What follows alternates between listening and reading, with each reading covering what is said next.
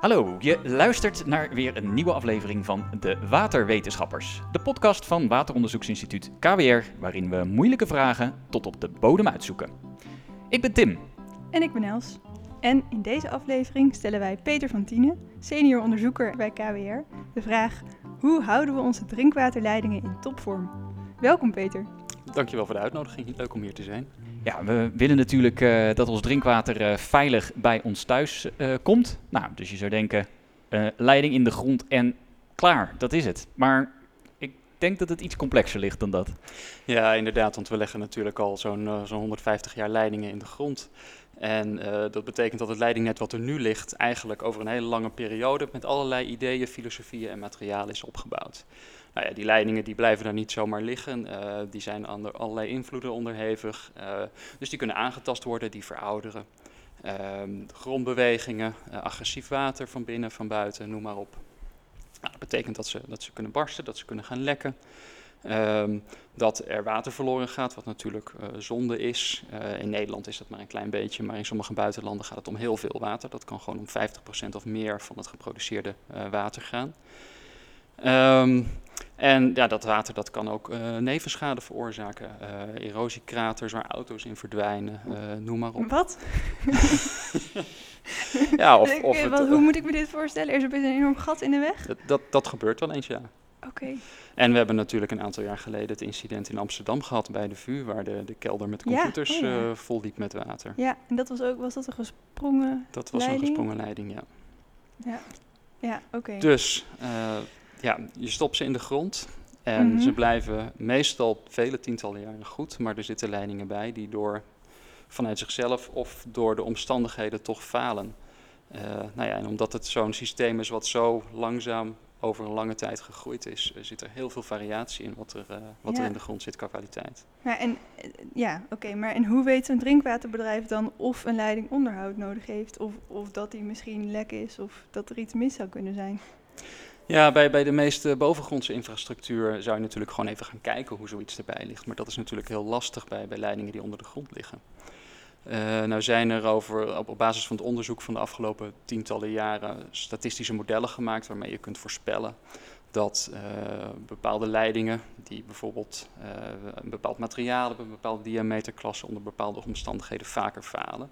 Dus op basis van die statistische modellen kun je uh, nagaan dat bepaalde groepen leidingen een grotere kans hebben om te gaan falen en daar zou je dan op kunnen richten.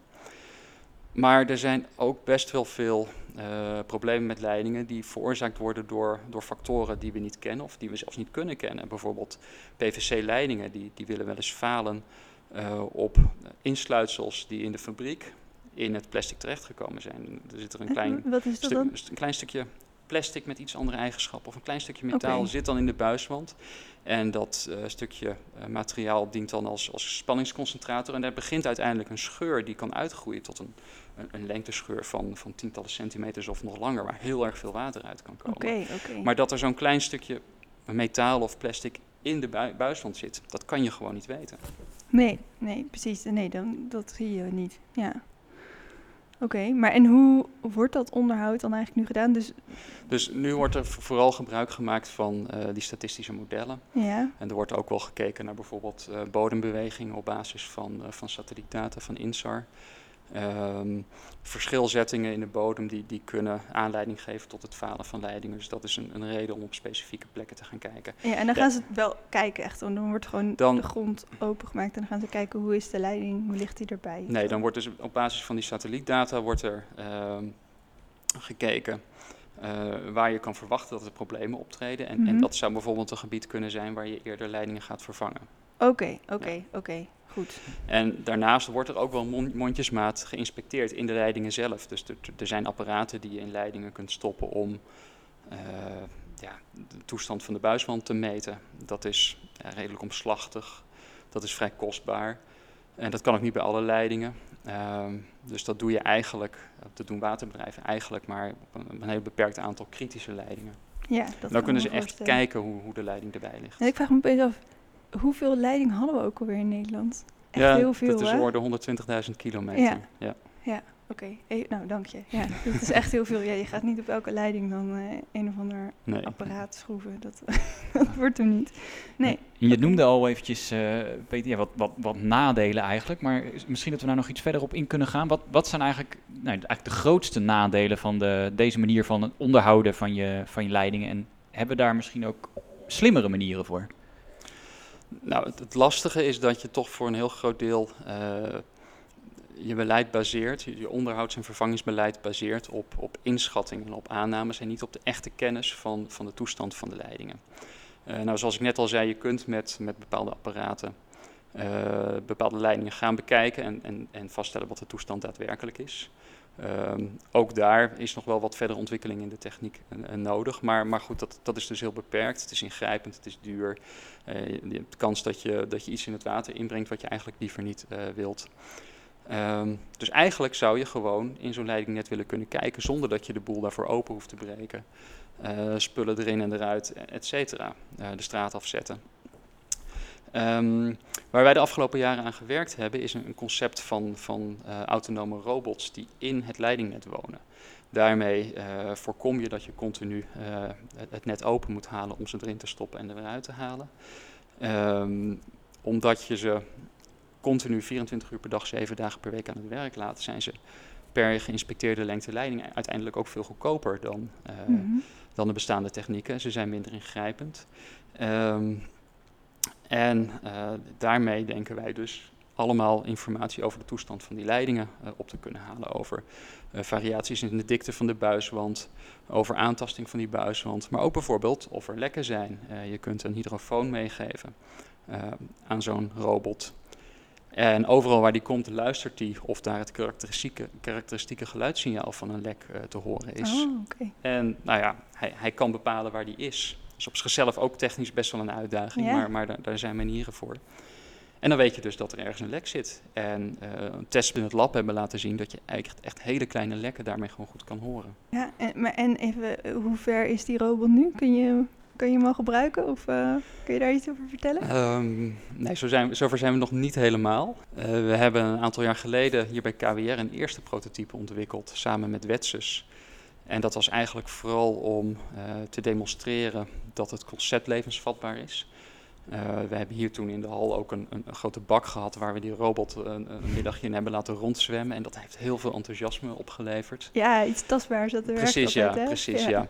En toen zijn we serieus aan de slag gegaan in een consortium van waterbedrijven met, met technologieleveranciers, waaronder eh, robotbouwer Demcon. Nou, daar zijn we nu een aantal jaar mee aan de slag en, en zij hebben nu een, een eerste prototype dat los van de kabel, dus op zichzelf, eh, door leidingen kan En bewegen. wat is los van de kabel, met batterijen? Met, met batterijen, maar ook zonder dat je vanaf eh, de kant eh, zegt en nu moet je een millimeter naar links en nu moet je je, je kop drie graden naar rechts Oh ja, hij kan zichzelf een beetje... Ja, bijsturen, dus het enige maar. mate van autonomie eh, zit erin qua, qua besturing. En eh, ik ben even nu heel benieuwd. Kun je een beetje beschrijven hoe die eruit ziet? Is iets met een soort van zuignapjes of zo? Stel ik me nog niet voor. Of, ja, hoe, hoe? Want er zit natuurlijk druk in zo'n drinkwaterleiding. Dat klopt, ja. Dus hoe houdt hij zichzelf dan eh, vast? Nou, je, je, je, moet je voorstellen dat het een, eh, ja, een apparaat is wat er een beetje uitziet als een gesegmenteerde slang. Oké, ja. Ehm, waaraan wat pootjes zitten met wielen eraan. En eh, met die pootjes met wielen klemt hij zich vast in de buis. Oké. Eh, die wielen die, die kan die draaien, dus daar kan hij zich mee, mee eh, voortbewegen. Mhm. Hij kan zich ook vastzetten met, met die pootjes. Want stel dat er op een gegeven moment iemand ergens een brandkraan opendraait. en er komt opeens een hele grote Ja, watersnelheid op de plek waar die robot zit. dan wil je niet dat het robotje ook ploept Precies, daar. ja. ja. Dus dat kan hij detecteren en daar kan hij zich vastzetten. Oké, wauw, tof. Nou heb ik een beetje een beeld. Ja, want we zitten natuurlijk in een podcast, dus we kunnen Ja. geen plaatjes laten Nee. zien nu. Nou, en om het beeld dan even te completeren. ehm, hij is best groot, zo'n robot. Ja, Om, vertel eens. om, om zo'n robot eh, wat, wat langere tijd en wat langere afstand onder de grond te kunnen laten afleggen, moeten er best wel veel batterijen in zitten. Voor de voortstuwing, maar ook voor de computers en de autonomie, et cetera. En dat betekent dat die robot uiteindelijk een meter of twee lang is. Zo, ja, dat is wel lang. Eh, met allemaal modules voor batterijen, voor de computer, voor de meetapparatuur, eh, voor de actuatoren. Dus zodat hij zich kan, eh, kan buigen en draaien en voortbewegen in allerlei richtingen. En dit, dit klinkt al bijna alsof die, alsof die er gewoon al is. Maar hoe, hoe ga je zo'n robot nou, eh, hoe ga je nou testen of dit in de praktijk eh, ook werkt. Je kan hem denk ik niet zo het waternetwerk insturen, of wel? Nou, dat, dat zou wat onverstandig zijn, want bij iedere nieuw ontwikkelde techniek weet je natuurlijk dat die af en toe gaat falen, dat er kinderziektes zullen zijn, et cetera. En om hem een begraven netwerk in te sturen zonder dat je weet dat hij goed functioneert, dat zou betekenen dat je iedere keer als het misgaat, de, de straat moet openmaken. Je moet Ja. weten waar die zit, je moet hem opgraven, je moet hem uit die leiding halen. Dus om dat te voorkomen, willen we eerst heel veel vertrouwen hebben dat hij dat die goed functioneert. Nou, we zijn begonnen, of Demcon is begonnen met een serie tests eh, in hun faciliteit. Ze hebben een, een, een klein eh, lusje van leidingen met wat, wat T-stukken, et cetera, gebouwd om de eerste test van die robot in uit te voeren. Hier bij KWR hebben wij in samenwerking met, eh, met de drinkwaterbedrijven een, groter testnetwerk gebouwd. Dus dat is een netwerk wat bestaat uit eh 300, 400 meter leidingen met allerlei bochten, vertakkingen, lussen, verschillende diameters, verschillende materialen, sensoren. En vooral allemaal gekke en uitdagende situaties die zo'n robot tegen zou kunnen komen. De robotspeeltuin. De, de robotspeeltuin, zo kun je hem noemen inderdaad. Ja, ja of een, een, nou ja, eh, een parcours een parcours, ja, dat is het woord wat ik zocht. ja, precies. Dus we willen die robots daaraan zoveel mogelijk uitdagende situaties die hij in de praktijk ook zou kunnen tegenkomen blootstellen. Om vertrouwen te krijgen dat hij, het ook, dat hij daar goed mee om kan gaan. Ja. Nou, dat, dat is de volgende stap. Daar, daar zijn we nu nog niet, maar daar werken we naartoe. Daar werkt Demcon met name naartoe, moet ik zeggen. Daarna zal er een, een, een beperkte veldtest eh, in een echt netwerk, in een, ja, een geïsoleerd stukje van een echt netwerk zijn. En Mhm. dan kun je nou ja, met meer tests bij ons op de faciliteit en, en in het veld langzaam naar, naar toepassingen in het veld toewerken. En wanneer zou dat ongeveer zijn? Ja, dat zal nog een paar jaar duren.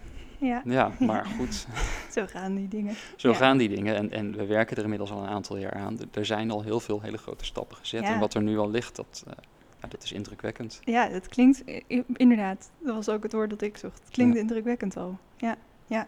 En ehm, nou, dit, ja, dit kun je dus in een waterleiding gebruiken. Zijn er eigenlijk ook nog andere sectoren waar je dit zou kunnen gebruiken, de robot? Ja, eigenlijk iedereen die, die, die infrastructuur heeft die om, om wat voor redenen dan ook moeilijk te bereiken of, of gevaarlijk is, die is bezig met, eh, met robots. Dus in de olieindustrie is men er veel mee bezig, de nucleaire industrie, voor gasleidingen is men al een hele tijd eh, daarmee bezig. Ehm, wat dat betreft loopt de watersector denk ik niet voorop, maar we hebben wel een, een, een hele speciale situatie met, met hele hoge eisen met betrekking tot hygiëne bijvoorbeeld, et cetera. Dus het is prachtig dat we er nu mee bezig zijn. Deze, deze robot die we nu maken is wel specifiek op die drinkwaterleidingen in schoonwater eh, toegespitst. Oké, ja. Ehm, je zou je kunnen voorstellen dat, dat je hem ook bijvoorbeeld in afvalwaterleidingen eh, Mhm. zou willen gebruiken, maar ik denk dat dat niet zonder meer kan. Hij is ontwerpen voor, Ja. ontworpen voor schoonwater. Dan zal je waarschijnlijk aanpassingen moeten doorvoeren, zodat hij tegen ja. dat agressievere milieu kan, met troep in het water, met een, leiding die, die maar half gevuld is, et cetera. Ja, ja, precies. Ja. Ja. En warmtenet zit ik ook nog aan te denken, maar dan moet hij weer tegen hoge temperaturen kunnen. Ja. Ja. Wel een interessante overigens. eh. Ja. Ja. Nou ja, goed. Wie weet dus over, hè? over nog een aantal jaar. ja. Ik eh, ben ook benieuwd wat er eigenlijk. ja, wat, wat valt er nog meer te onderzoeken op dit, eh, op dit vlak? Hè? Dus je gaat hem natuurlijk, je probeert hem, eh, ja, probeert hem klaar te maken voor de praktijk. Eh, naar wat voor dingen wil je nog meer eh, ja, op zoek gaan of onderzoeken? Nou, als die robots er eenmaal zijn, dan begint de lol eigenlijk pas. Mhm. Want zoals ik al eerder zei, we hebben nu niet zo heel erg veel kennis van, van de leidingen, van de toestand van die leidingen in de ondergrond. Als die robots eenmaal gaan, eh, aan hun werk gaan doen, dan komt er een explosie van data Ja. over, over die leidingen, over hun toestand. Daar gaan we heel erg van leren, heel erg veel van leren. Dus we gaan in eerste instantie wat, wat zwakke leidingen kunnen identificeren.